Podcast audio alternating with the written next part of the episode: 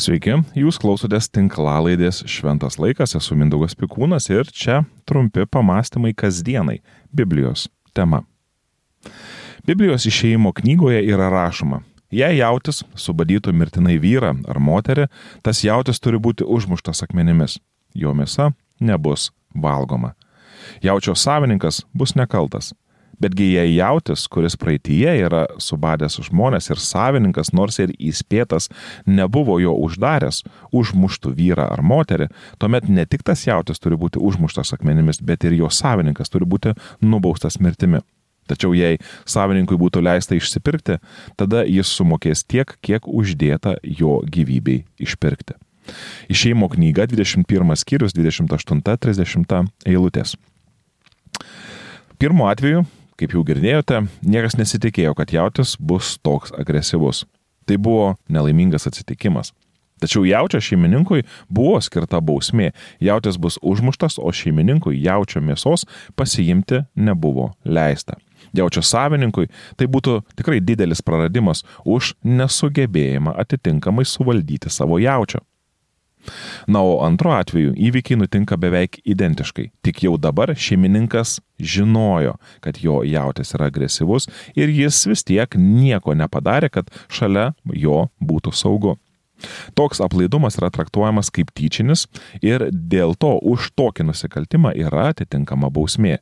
Jaučio savininkas yra nubaudžiamas lyg pats būtų nužudęs žmogų antrojo jaučio šeimininkas turi prisimti pilną atsakomybę už kito žmogaus žūtį.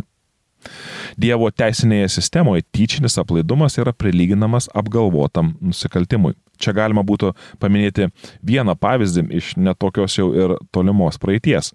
Pavyzdžiui, prisimenu kaip Ford Pinto automobilis debitavo rinkoje, bet gamintojas Fordo gamykla žinojo, kad jų naujas automobilio dizainas nėra tobulas. Kūro baką lengvai pramušė netoliese buvę varštai, dėl kurių transporto priemonė buvo lengvai sprokstanti galinio susidūrimo atveju. Tačiau Ford Pinto vis tiek rinkoje buvo parduodamas nuo 1971 iki 1980 metų. Ir nelaimingi atsitikimai vyko, nors susidūrimai įvykdavo ir nedidelėme greityje. Ford Pinto gamintojui buvo iškelta daugiau nei šimtas bylų, kol galiausiai buvo paviešinta vidinė kompanijos komunikacija ir buvo visiems akivaizdu, jog Fordo kompanija žinojo apie dizaino trūkumus ir galimas grėsmės. Fordo kompanijas e, Fordo kompanija ieškovams turėjo sumokėti 128 milijonus Amerikos dolerių už patirtus nuostolius.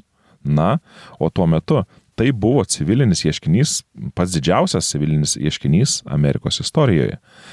Galų gale buvo priimti e, ir nauji saugos standartai, o Fordos buvo, Fordo gamykla buvo priversta pakeisti savo Ford Pinto dizainą. Žinoma, kad Ford Pinto gamintojai Fordo kompanija neketino nieko žudyti ar lošinti, tačiau taip pat jie nepasirūpino, kad tam būtų užkirstas kelias. Visi žinojo, kokios yra to konkretaus automobilio bėdos, tačiau prisimenant biblinius teisingumo standartus, samoningas aplaidumas reikalauja panašios bausmės, kaip ir už samoningą skriaudą. Ir kuo mūsų visuomenė tampa sudėtingesnė, kuo mūsų naudojamos technologijos tampa galingesnės, tuo daugiau saugumą reguliuojančių standartų mums reikia.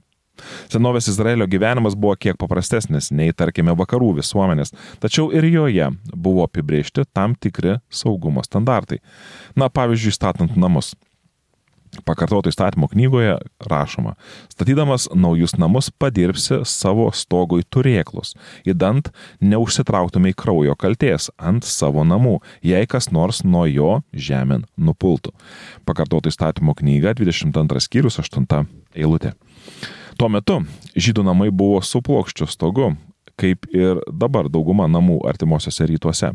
Jie buvo patogus, nes ant jų būdavo galima ilsėtis ar netgi miegoti. Žinant, kad žmonės ant stogų renkasi, buvo būtina statybininkus perspėti apie saugumo reikalavimus, kad kas nors nesusižeistų. Jei kas nors nukris ir užsimuš, statybininkai užsitrauks kraujo kaltę. Pavyzdžiui, kunigų knygos 13-14 skyriuose yra kalbama apie sveikatos ir hygienos reikalavimus bei aprašoma procedūra, ką daryti, jei namuose įsigali pelėsis. Visų šių reikalavimų tikslas buvo priminti, kad žmonės yra šventi Dievui ir kad niekas nesutrukdytų jiems jo garbinti. Žinoma, Dievui buvo svarbu ir saugumas, ir sveikata, ir gerovė, tačiau tai nebuvo vienintelis tokių įstatymų tikslas. Žmonės, o ir visa tauta turėjo būti dori ir sąžiningi, visi turėjo rūpintis vienas kito saugumu ir visa tai žmonės darė priimtinus ir tinkamus ateiti į Dievo artumą. Vienas amerikietis gydytojas, presbiteronų bažnyčios misionierius Ugandoje, Jamesas Knoxas, prisimena, kaip užfiksavus pirmąjį COVID-19 mirties atvejį Ugandos sveikatos apsaugos pareigūnai nedelsiant atvyko į ligoninę su visa saugumo įranga ir įvedė griežtą karantiną. Tačiau praėjus dviem, trims mėnesiams valstybės pareigūnai atsipalaidavo ir tiekimas reikalingų dalykų kovai su virusu baigėsi. Pasak misionierius, toks nenuseklumas yra įprastas. Kažkas daroma tol, kol nepradeda kainuoti per brangiai ir tada tyliai apleidžiama. Manau, kad tokių pavyzdžių, kur sąmoningas aplaidumas yra praktikuojamas versle ar biudžetinėse valstybės įstaigose, mes tokių atvejų galime rasti tikrai daug. Tačiau Dievas kviečia mus peržiūrėti savo vertybės, o neskaičiuoti pajamas ir nuostolius ir jų balansą ar pliusus ir minusus samoningo aplaidumo. Biblijoje nerasime sąrašo visų įmanomų saugumo reikalavimų. To ir nereikia. Tai padaryti yra patikėta pačiai bendruomeniai, pačiai visuomeniai. Labai lengva yra susikoncentruoti ties akivaizdžiu blogiu - religijos ir žodžio laisvės ribojimais ar korupcija valstybinėse įstaigose. Tačiau Biblijoje esame raginami pasirūpinti ir kad nebūtų puoselėjamas tyčinis aplaidumas. Pranašas Michėjas rašė, Marusis, Dievas tau pasakė, kas yra gera ir ko iš tavęs viešpats reikalauja. Daryti tai, kas teisinga, mylėti ištikimą meilę ir nuolankiai eiti su savo Dievu.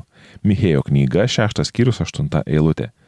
Teisingumas, kurio vadovautis kviečia mus Dievas, nėra susijęs vien tik su teismais ar policijos darbu. Teisingumas yra sėtinas ir su pastangomis apsaugoti nuo galimo nelaimingo atsitikimo.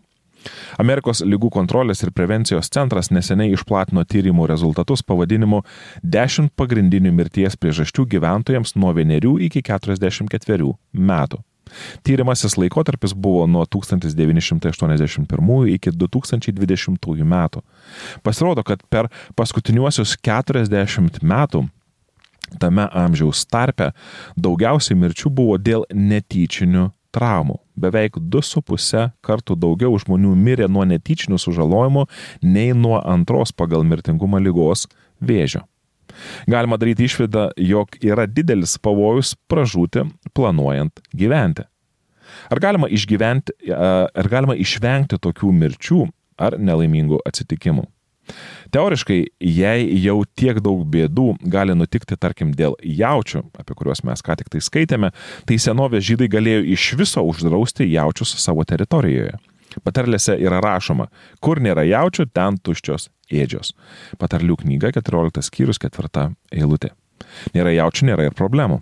Tačiau toje pačioje eilutėje, toje pačioje patarlėje yra tęsiama gausi pjūtis ten, kur stiprus jautis. Dievas kviečia žmonės būti našiais, drąsiais ir besirūpinančiais.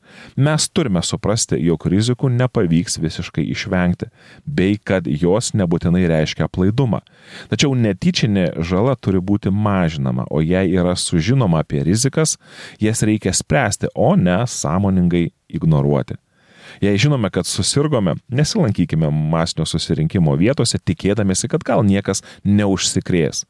Jei sužinome apie netinkamą elgesį bažnyčioje ypatingai, turiuomenyje seksualinę prievartą, tai neužmerkime savo akių, negalvokime, kad netinkamai linkęs elgtis jautis daugiau bėdų nepridarys. Bažnyčios vadovai yra kalti, jei žinodami apie, kad ir pedofilijos atvejus, siunčia prasižengusiai į kitas bendruomenės, tikėdamėsi, kad ten bus viskas kitaip. Nerašykite žinučių telefone vairuodami, nes toks netyčinis aplaidumas gali brangiai kainuoti ir jau ne vienam labai brangiai kainavo. Nevažinėkite žiemą su vasarinėmis padangomis, jūs gal ir nenorėsite nieko sužeisti, tačiau toks aplaidumas gali turėti skaudžias pasiekmes. Samoningas aplaidumas yra tokia pati nuodėmė. Biblijos teisingumo supratime, samoningas aplaidumas gali būti toks pat rimtas kaip ir samoningas kreuda. Dėmesys visoms galimoms rizikoms, net jei tai pareikalaus papildomų išlaidų, yra dalis šventumo, kurio siekti yra kviečiamas kiekvienas žmogus ir ypatingai krikščionis. Jūs klausėtės tinklalaidės šventas laikas. Tikiuosi tai, ką girdėjote, buvo tai, ko jums šiandien ir reikėjo.